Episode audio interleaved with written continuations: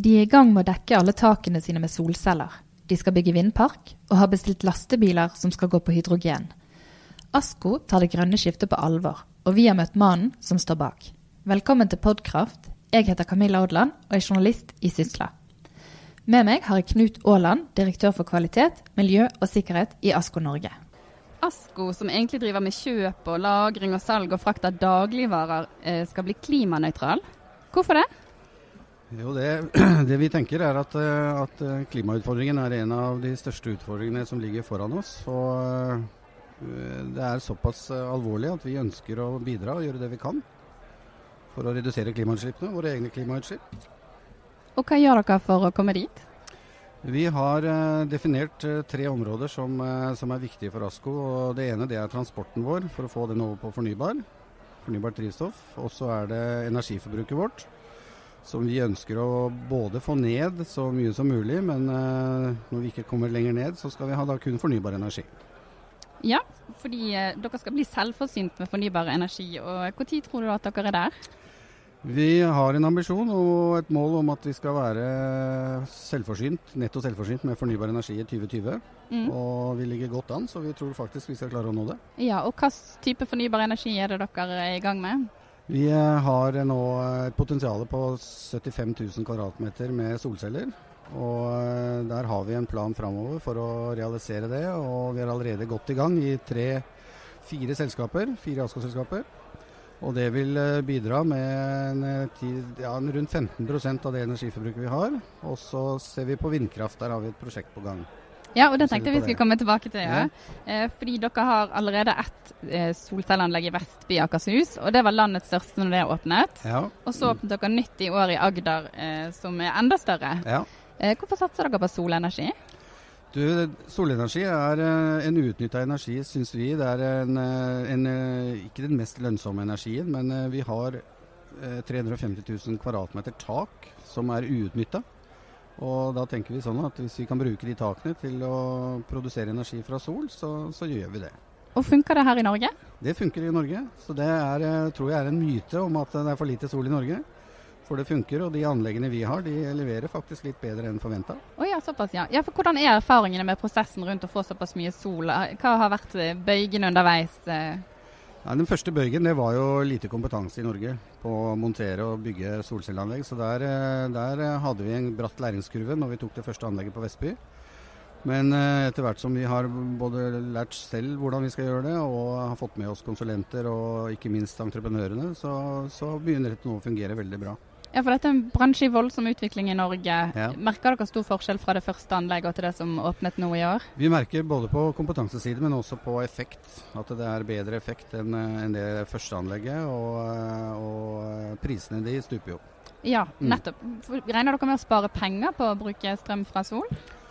Ja, vi gjør det. Eh, vi regner med å spare penger. Men det er klart, eh, det er jo ikke akkurat det mest lønnsomme energiinvesteringen. Men, eh, men det, er, det, er, positivt. Og vi, vi, regner med at vi drar ned kostnadene våre med å montere solceller. Ja, Og så forsyner dere også elbiler med sol. Ja. Eh, og Hvordan har det fungert? Det har fungert veldig bra. Det er jo selvfølgelig eh, dager hvor du ikke har så veldig mye solproduksjon, så der må vi ha litt hjelp av vanlig strøm. Men, eh, men, det fungerer veldig bra, og, og energien den, eh, den brukes til å lade disse bilene, som er innom både våre egne og, og kunden som kommer på besøk. Ja, og Så nevnte du transport i sted, og der skal ja. dere ha lastebiler og trucker på hydrogen. Hvorfor det?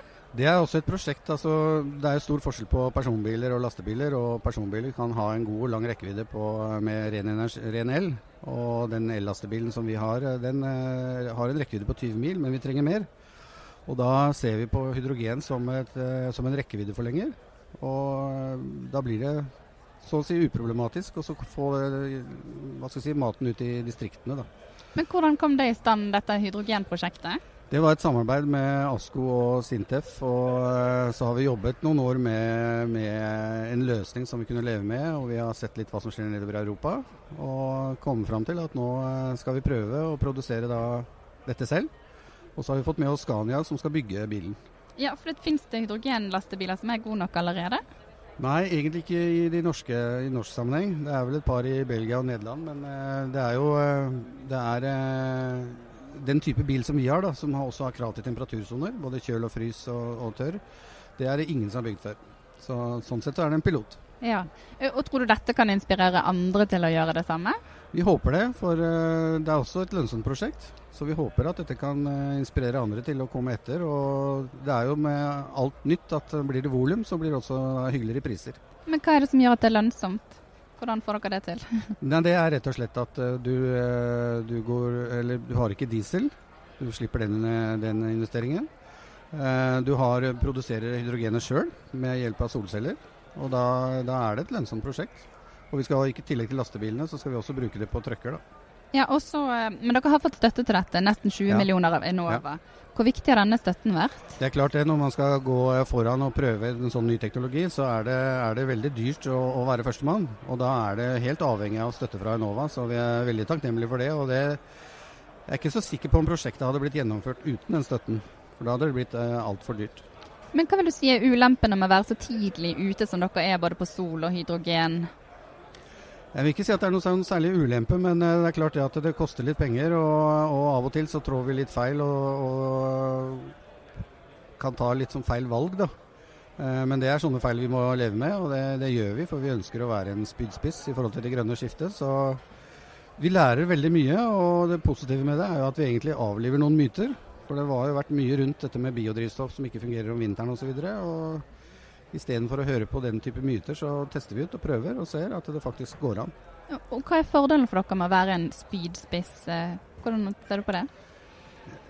Ja, den, Fordelen er vel egentlig at, eh, at eh, vi, vi, kanskje får ting til å skje.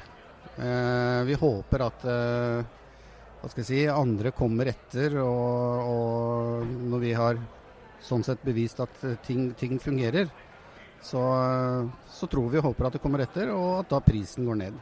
Sånn at dette her er mulig for alle andre å investere i.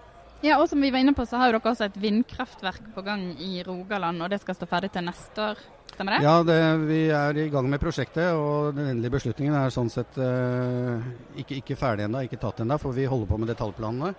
Men uh, vi har fått konsesjon, og, og, alt er tilrettelagt. Så nå er det bare detaljer igjen før vi realiserer, eller kan realisere. Da. Og Hva er planene for det vindkraftverket? Du, det er to typer anlegg, eller to anlegg. da, og Et med tre turbiner og et med to turbiner. og Når de er i drift og hvis de leverer som forventet, så, så leverer de ja, mellom 70 og 75 av Askos totale energiforbruk.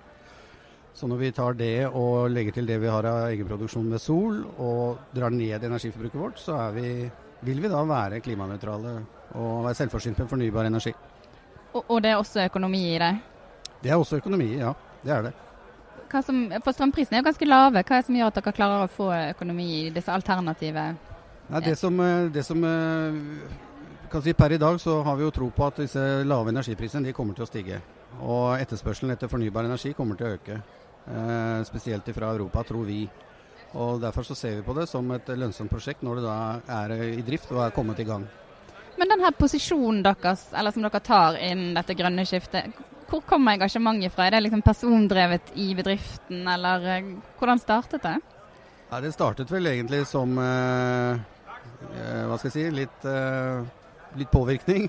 Men eierne våre har, eh, har, tatt dette virkelig inn over seg og, og mener dypt og inderlig at dette her er noe av det viktigste vi kan jobbe med for å sørge for at neste generasjon også får nyte godt av de godene vi har. Så det er et oppriktig og ekte engasjement fra, fra eierne våre. Men var det begynte det hos noen i bedriften som ja, følte på Ja, det begynte eh, egentlig litt i det små. Eh, med noen få engasjerte som, eh, som etter hvert eh, fikk gehør. Og da, da løsna det helt. Og som har klart å påvirke hele bedriften til å ja, det kan, du si. det kan du si. Mm. Ja, men Har du noen råd til andre bedrifter som vil satse grønt? Ja, det, det, som, eh, det som, jeg vil si, det er at uh, ta i bruk det som finnes av teknologi. Eh, vi har jo dette biodrivstoffet nå som kan brukes på tradisjonelle biler eh, istedenfor diesel. Så jeg vil bare si det er å komme i gang. Eh, dette er riktig for framtiden. Og hvis alle, alle, blir med og vi får opp et volum, så, så, vil det bli lønnsomt for alle. Så det er bare å stå på. og med det så setter vi strek. Tusen takk skal du ha. Takk skal du ha. Du har nå hørt på Podkraft, Sysla sin podkast om klima og det grønne skiftet. Du kan abonnere på podkasten i iTunes eller din faste podkastspiller. Vi høres igjen.